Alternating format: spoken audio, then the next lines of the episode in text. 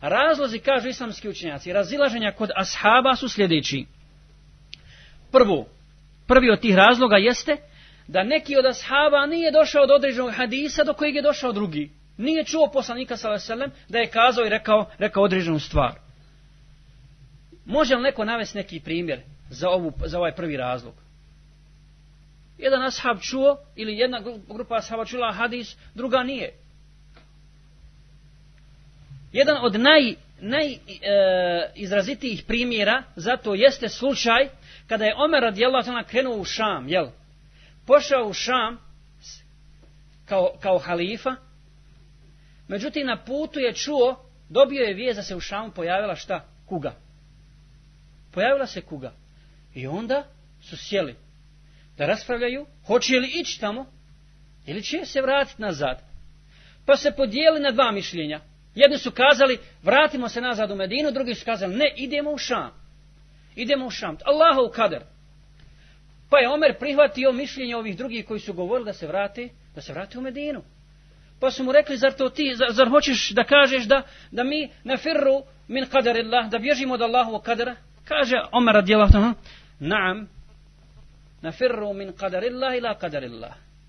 Bježimo od Allahovog kadera, Allahovom kaderu. Allahovom kaderu. Tada se pojavlji Abdurrahman ibn Auf i kaže, o čemu to raspravljate? Kaže, raspravljamo o tome, pojavila se kuga u Šamu, pa jednih kaže da se vratimo na din, drugi kaže da se, da se vratimo. Kaj imam ja hadi za to? Nema rasprave. Što koristite džaba, onaj, što koristiti džaba, možda ne vijuje, kad ima jasan hadis o tome. Kaže Omer, gdje, kakav hadis? Kaže, vallahi sam čuo poslanik sam da kaže, kada čujete da se pojavila kuga u jednom mjestu, ne idite tamo. A ako se nalazite u tom mjestu, ne izlazite iz njega. Kaže Omer, Allahu akbar, to je to. Vraćamo se, vraćamo se nazad u Medinu. Nema razilaženja. Riješeno razilaženje čime? Jasnim tekstom hadisa poslanika sallallahu alaihi ve sellem. Zatim, kažu islamski učenjaci, neki od ashaba su zaboravili neki hadis, iako su ga čuli, iako su ga možda čuli, ali su ga zaboravili, pa kasnije nisu, pošto su ga zaboravili, nisu na njemu temeljili određeno mišljenje ili, ili donosili fetvu. Zatim, treća, treći razlog razlaženja, različito razumijevanje određenog hadisa. Različito razumijevanje određenog teksta hadisa. Još dok je poslanik sam bio živ, a kamol nakon njegove smrti. Ko će nam navesti primjer? jeste. Pa ja vidim, mašallah, to se zna.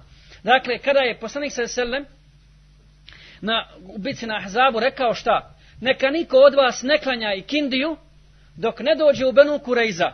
Žido, pleme Benu Kureiza, židovsku. Pa su ashabi na putu, na putu je došlo, nastupilo namasko vrijeme i podijelili se opet.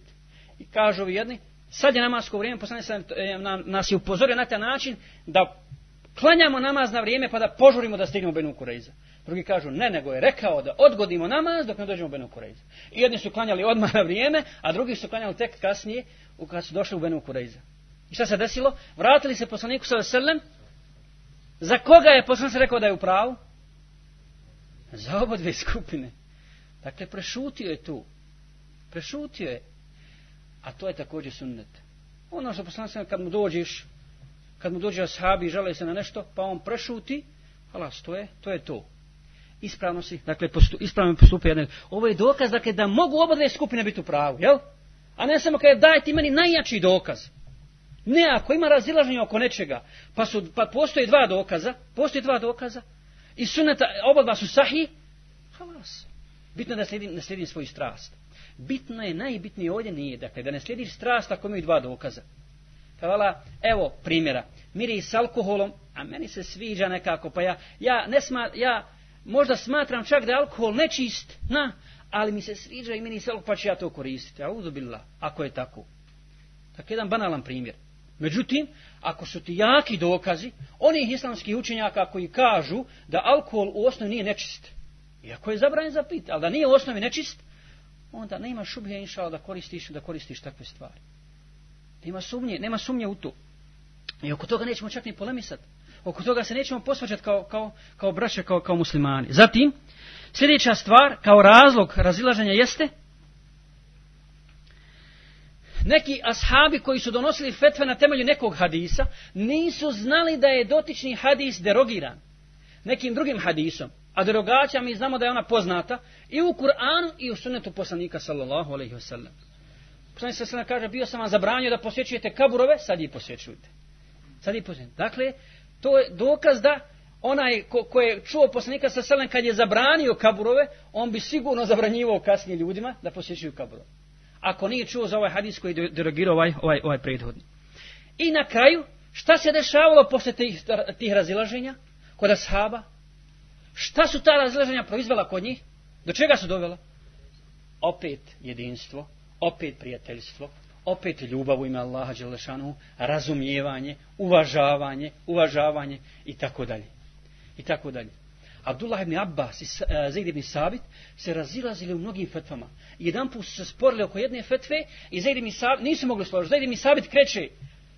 Abdullah ibn Abbas uzima devu njegovu i hoće da, ga, da, ga, da, da, da, da mu drži devu dok on uzir kare, odmakni se od mene. Kaže mu Zaid ibn Sabit, kaže, Abdullah uh, ibn Abbas, ovako nas je naučio poslanik da postupamo sa braćom muslimanima i sa učenim ljudima. Sa učenim ljudima. Onda sa, Zaid ibn Sa'id prilazi i ljubi ga u ruku i kaže, ovako nas je naučio poslanik sa sebe da postupamo sa učenim, sa učenim ljudima. Dakle, to je odnos ashaba i kad su se, i kad se razilazili. Njihovo razilaženje je bilo utemeljeno, možemo slobodno tako kazati, utemeljeno. Kod nas, uzrosi razilaženja danas među muslimanima, šta su? Džehl, 100%. Prva stvar, neznanje.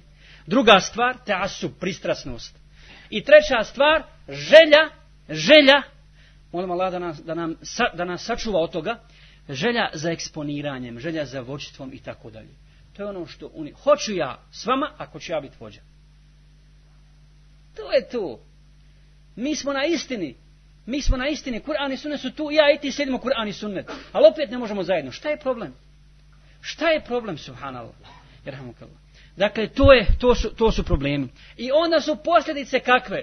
Podjela, razilaženje, cijepanje muslimanskog safa, neuzubila je čak mržnja, odbojnost, zavidnost, klevetanje, ogovaranje na sjelima, na skupovima.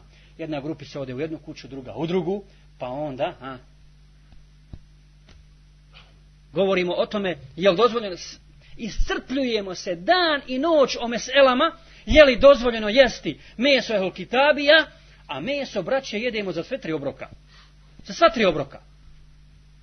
Kovaranje, klevetanje, napadanje, čak i na one koji su puno učeniji od nas na ulemu i tako dalje. Mi prekrižujemo koga mi hoćemo, mi odbacimo koga mi hoćemo. Ko nam je dao to pravo? Ko nam je dao to pravo? Dakle, to, je, to nije bio put Selefa. Za, drug, to je prvo pravilo. Znači, upoznaj istinu, upoznaćeš njene sljedbenike. Druga stvar,